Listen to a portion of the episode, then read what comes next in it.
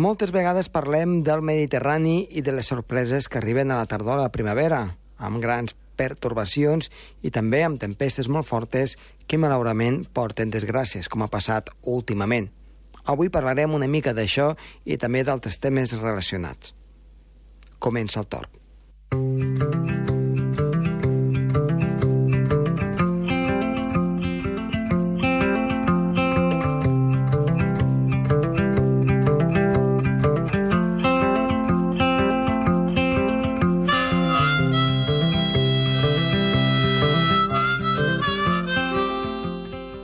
Doncs sí, malauradament les eh, precipitacions de la Mediterrània s'han emportat víctimes mortals degut a, a les trombes d'aigua que han caigut en aquestes darreres hores, especialment a l'illa de Mallorca una situació que aquí al Pirineu normalment no es dona, és una situació ben diferent, però que també ens ha deixat precipitacions i que encara en pot deixar en aquestes properes jornades. En parlarem d'això amb la previsió meteorològica, juntament amb Sergi Cartelés i també amb Gerard Tauler, que ens portaran novetats i notícies del món de la meteorologia. Som-hi!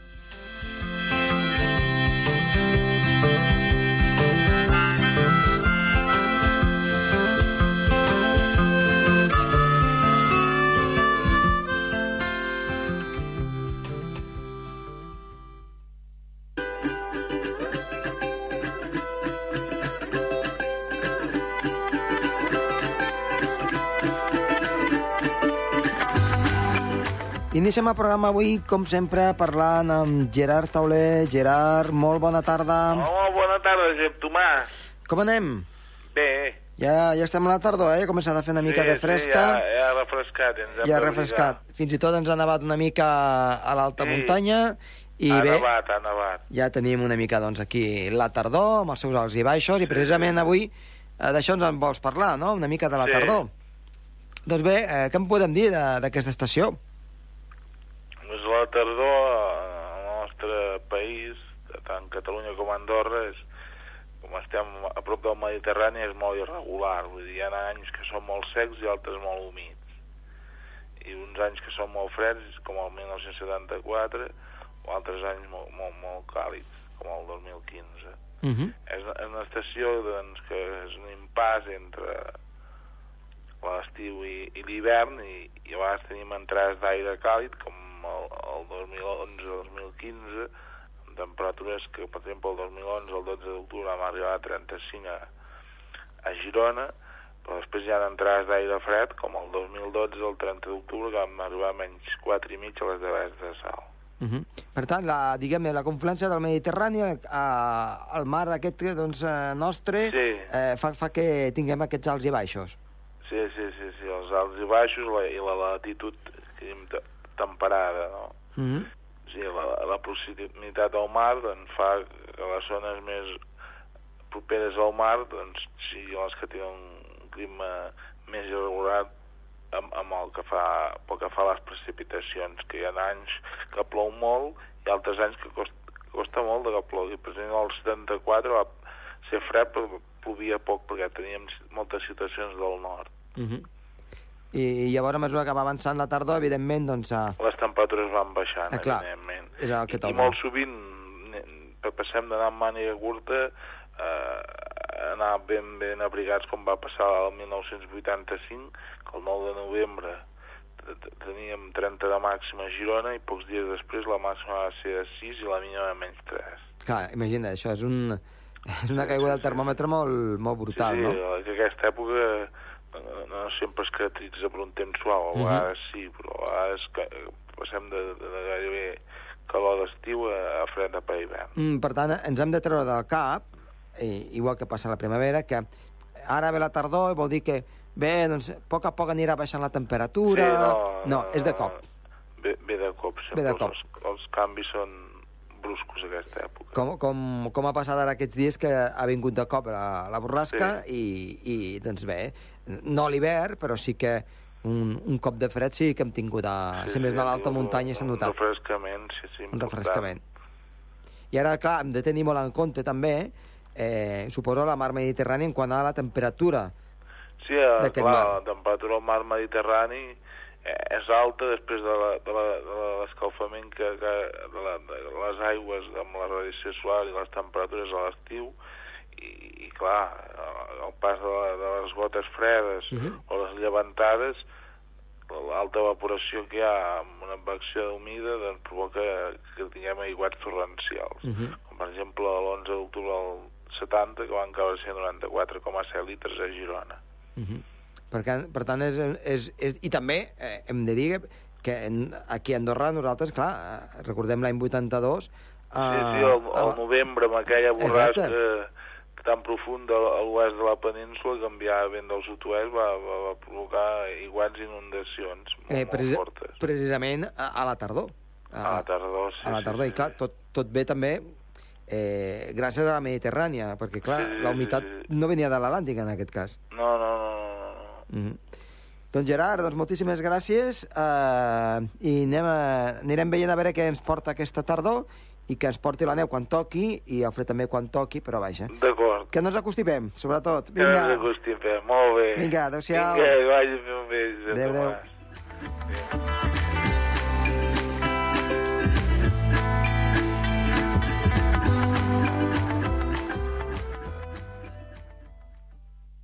El Torb, amb Josep Tomàs.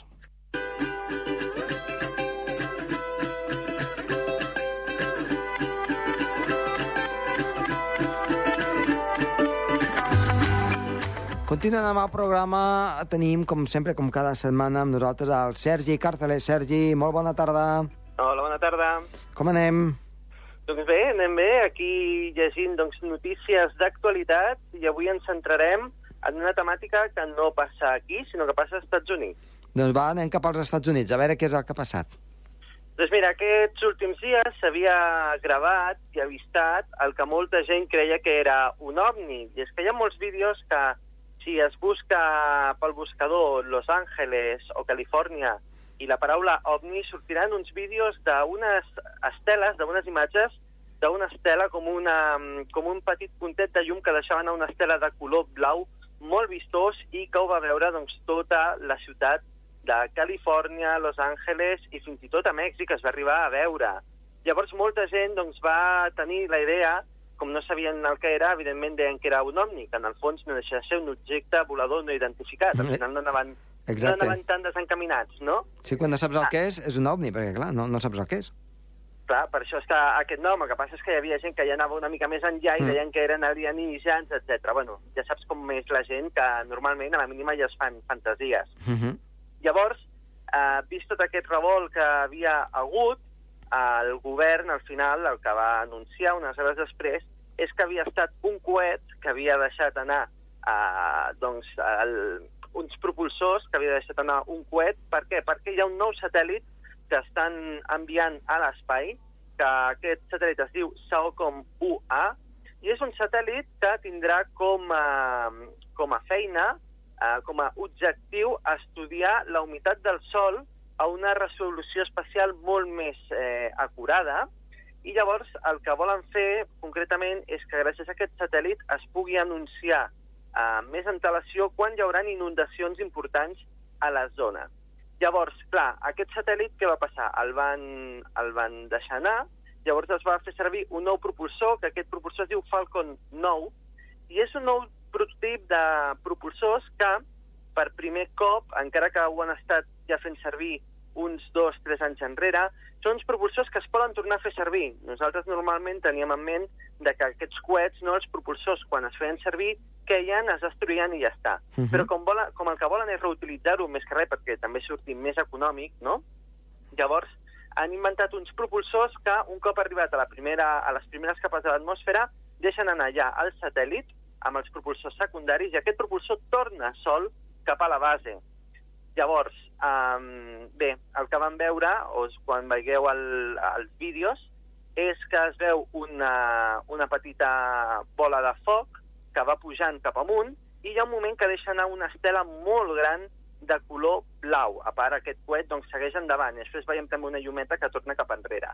Llavors, és aquesta estela tan gran de color blau, molt il·luminada. A part, pensem que això ho van gravar a la nit, així que imagina't els colors que hauria de fer Ja. per la nit. Uh -huh. Uh, això era a causa del combustible i de l'oxigen líquid que hi havia en el, en el dipòsit, que era doncs, el que era necessari per poder aixecar aquest coet. Llavors, clar, a l'ajuntar-se aquests dos factors, aquest oxigen líquid i el combustible amb les capes eh, altes de l'atmosfera, estem parlant de temperatures que ja són molt fredes, Uh -huh. entre 50 i 60 graus sota zero, doncs clar, es van congelar en seguida i van crear doncs, aquesta estela de color tan maca que realment doncs, recomano que, que es vegi. Llavors és més que res això, que s'havia fet bastant de revolt, sobretot als Estats Units, d'aquest satèl·lit, que hem denunciat és això, que és un altre satèl·lit que ens ajudarà a ser una mica més acurats a l'hora de la predicció meteorològica i que de moment, per molt que es digui que són ovnis, de moment no hem de parlar d'alienígens. Doncs bé, doncs, eh, queda aclarit que no, no són alienígenes i, per tant, eh, poden estar tranquils tota, totes les persones doncs, que estaven patint per, per, a- per aquest tema. Doncs molt bé, Sergi, eh, t'esperem la setmana vinent. Molt bé, que vagi bé. Adéu-siau.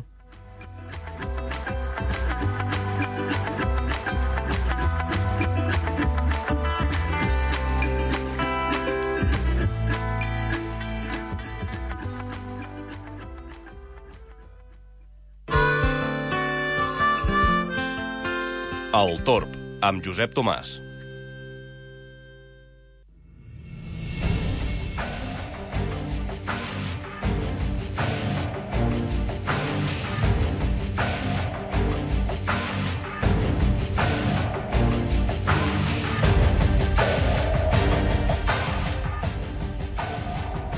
Portem ja gairebé sis dècades buscant, sense èxit, un senyal que ens permeti afirmar que allà fora, en algun lloc, hi ha altres civilitzacions tecnològiques similars o superiors a la nostra. Però, malgrat tots els nostres esforços, aquest senyal no apareix per enlloc. Significa això que els nostres programes de cerca no són prou bons o que, encara pitjor, estem sols a l'univers? No necessàriament. De fet, segons un equip d'astrofísics de la Universitat Estatal de Pensilvània, concloure que el programa SETI de recerca de vida intel·ligent és un fracàs és una cosa que l'evidència actual no pot donar suport. Per als investigadors, en efecte, si no els hem trobat, no és perquè no estiguin aquí, sinó perquè senzillament no hem buscat encara prou. En un article publicat fa tot just uns dies a la plataforma archive.org, Jason White, Subham Kanodia i Emily Luber col·loquen en un context matemàticament rigorós els fins ara fallits programes SETI i ho fan posant a prova la cèlebre metàfora de l'astrònoma Jill Tarter, fundadora de la institució, que l'any 2010 va afirmar que fins a aquest moment la recerca SETI havien cobert un frac una fracció tan petita de l'univers observable que qualificar-les de fracàs seria com assegurar que en els oceans de la Terra no hi ha peixos després d'haver-los buscat analitzant mostres d'aigua marina recollides en un got. En el seu estudi, White i els seus col·legues posen a prova l'analogia de Tarter construint un model de nou paràmetres que marquen tota l'activitat de SETI i arriben a la conclusió que la metàfora de Tarter era exagerada, encara que potser no gaire. De fet, el nou model suggereix que la veritable extensió de les recerques de SETI és similar a la relació que hi ha entre el volum d'una banyera d'hidromassatge gran o una piscina petita i tots els oceans de la Terra. Si observes la quantitat d'aigua que cap en un jacuzzi a l'atzar a l'oceà, afirma White, no pots esperar trobar peixos sempre. En concret, els càlculs realitzats per convertir en l'analogia el volum d'espai estudiat fins ara per SETI a la recerca de senyals intel·ligents en litres d'aigua a l'oceà llancen una quantitat de 7.700 litres ja revisats dels més de 1.335.000 bilions de litres d'aigua que contenen la suma de tots els oceans de la Terra. Massa poc com per obtenir conclusions definitives. En altres paraules, abandonar els mètodes de recerca de SETI o canviar-los, tal com suggereix més d'un científic, seria totalment prematur. En el seu estudi, en efecte, els investigadors escriuen que, tot i els gairebé 60 anys transcorreguts des de la primera recerca per ràdio de SETI, s'ha dut a terme molt poca recerca real en comparació amb la quantitat que seria necessària per descartar la presència, fins i tot, d'un gran nombre de senyals. D'altra banda, la gran varietat dels tipus de senyals que es volen detectar significa també que cap recerca concreta pot esperar ser capaç de captar-les totes, la qual cosa obliga els científics a plantejar la hipòtesi d'una classe particular de tecnofirma. I això exclou totes les altres. En altres paraules, podria semblar que el paller en què SETI està buscant és tan gran que mai apareixerà una agulla. Però els investigadors sostenen que aquesta conclusió no és vàlida, ja que només caldria cercar en tot el paller si volguéssim provar que hi ha zero agulles. I l'objectiu de SETI mai ha estat el de trobar tota la vida intel·ligent que pot haver-hi més enllà de la Terra. De fet, amb un sol exemple seria suficient. White i els seus col·legues conclouen eh, en el seu estudi eh, amb una crida a l'esperança. Atès que la vida tecnològica podria haver-se estès per tota la galàxia i atès també que moltes espècies tecnològiques podrien sorgir també de forma independent en molts altres llocs, seria d'esperar que es trobi una gran quantitat d'agulles. I parlem ara d'un altre estudi. Els nens menys dotats, que van néixer en famílies amb ingressos majors, tenen taxes de graduació universitària més altes que els nens més dotats, però amb pares amb ingressos més baixos, segons assenyala un nou estudi. El treball va ser publicat recentment per l'Oficina Nacional d'Investigacions Econòmiques dels Estats Units i ressenyat aquest 9 d'octubre pel The Washington Post. Els resultats podrien qüestionar la creença sobre el regnat de la meritocràcia en l'àmbit nord-americà. Utilitzant un nou mètode basat en l'anàlisi del genoma, els economistes van trobar que les dotacions genètiques es distribueixen gairebé igualitàriament entre els nens de famílies pobres i els de famílies riques. Pel que sembla, no és això el que condueix a l'èxit. Primer, els investigadors van analitzar els èxits educatius de persones que ocupaven el quartil més alt en un índex especial de puntuacions de genoma elaborat en un estudi anterior. D'elles, només el 24% dels que van néixer en famílies pobres es van graduar en alguna universitat. Per la seva banda, els individus del mateix grup genètic, però que van néixer en famílies d'ingressos alts, van tenir una taxa de graduació universitària del 63%. La troballa de l'altre extrem de l'escala de puntuació genètica demostra que el 27% dels nens nascuts en famílies d'ingressos alts però que tenen baixes dotacions genètiques obtenen, no obstant, un títol universitari. És a dir, són més propensos a graduar-se en la universitat que fins i tot les persones amb alt potencial però d'ingressos baixos. Els investigadors afirmen que aquests resultats van en contra de la narrativa que hi ha diferències genètiques substancials entre els individus que neixen en llars riques i els nascuts en la pobresa. Així ho afirma Kevin Tom, economista de la Universitat de Nova York i un dels autors del treball. Si no tenen recursos en la família, fins i tot els nens brillants, els que tenen un talent natural, hauran d'afrontar batalles costa amunt, diu Torm. S'està desaprofitant el seu potencial i això no és bo per a ells, però tampoc és bo per a l'economia, va dir el seu col·laborador, l'economista Nicholas George, de la Universitat Johns Hopkins.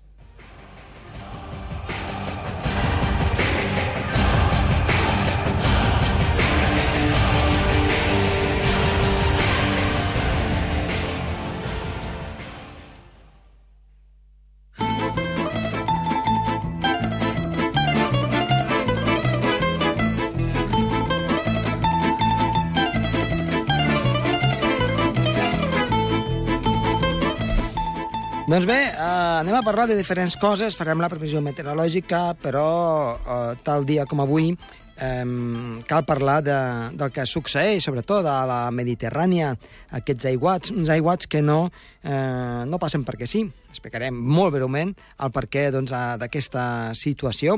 I és que, de fet, al Mediterrani sempre ho diem que especialment doncs, al, llarg, al llarg de la tardor quan la temperatura de l'aigua està molt calenta, que a vegades supera els 28, 29, 30 graus a tota la Mediterrània en certes zones, fa que quan arribin eh, aire fred en alçada, les tempestes que normalment es formarien terra endins, doncs gràcies a aquesta energia del mar creixen amb molta velocitat i amb molta virulència. És el cas que ha succeït doncs, malauradament, aquest passat dimarts a l'àrea de Mallorca. Ara en parlarem una mica més abastament, però també volem recordar una efemèride, i és que el passat dia 10 d'octubre de 1994, eh, ara fa 24 anys, hi va haver uns aiguats doncs, a Tarragona, uns aiguats que van afectar sobretot Conca de Barberà i Priorat, i també una mica a la zona del, del Baix Camp amb més de 400 litres per metre quadrat i que van fer que hi haguessin doncs, riuades importants i que el riu Francolí es desbordés al seu pas per Tarragona. Una situació que veiem que s'ha tornat a donar de manera similar, en aquest cas, a Mallorca. El per què? I és que doncs, a la Mediterrània té aquestes coses. O ja sequera, o quan plou, plou tot de cop. Però és una situació ben normal. Aquests aiguats sempre s'han donat al llarg de la història I és que, de fet, és el que diem, la mar Mediterrània està molt calenta després de tot un estiu, d'un llarg estiu, amb temperatures de l'aigua que superen, en molts casos, els, eh, pràcticament s'arriben als 30 graus, i quan ve aire fred en alçada es formen tempestes molt virulentes. La situació de Sant Llorenç, aquí a la zona del llevant de Mallorca, què és el que ha succeït?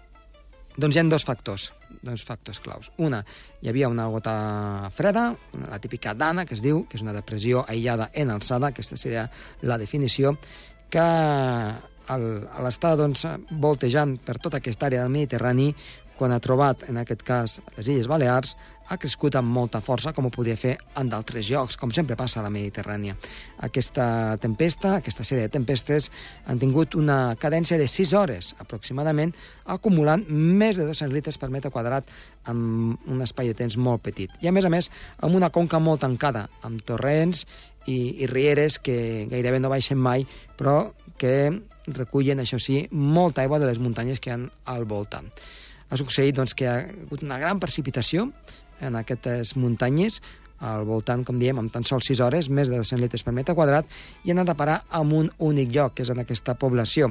A part, amb el hàndicap de que aquesta població era una zona urbanitzada, eh, ja sabem que les zones urbanitzades, doncs, l'aigua no, no, no es pot xuclar bé, perquè doncs, passa per damunt, per damunt del ciment, i això fa que agafi més velocitat, juntament amb tota la brutícia, arbres, pedres i altres objectes que pot portar eh, les rieres de muntanya amunt. Quan ha arribat a aquest lloc, que és, diguem-ne, un coll d'ampolla, ha agafat més virulència i ha tingut aquestes conseqüències, malauradament. Culpa de qui?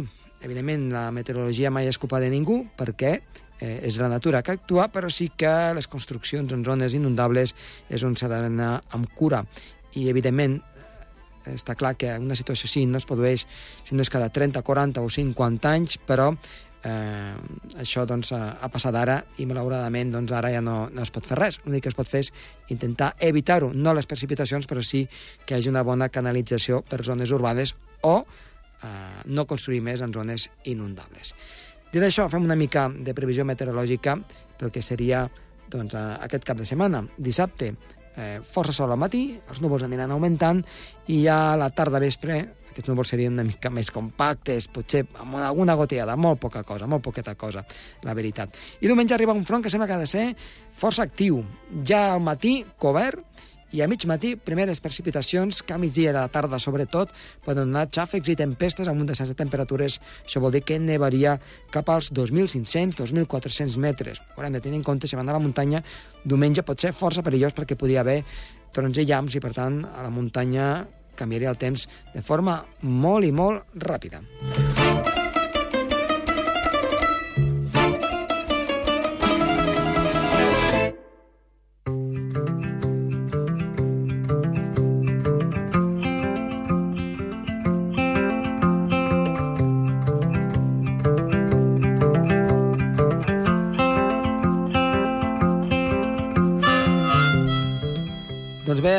El programa d'avui. Està de les vies de so, Toni Escur, i que els ha parlat amb molt de gust, Josep Tomàs. Adéu-siau.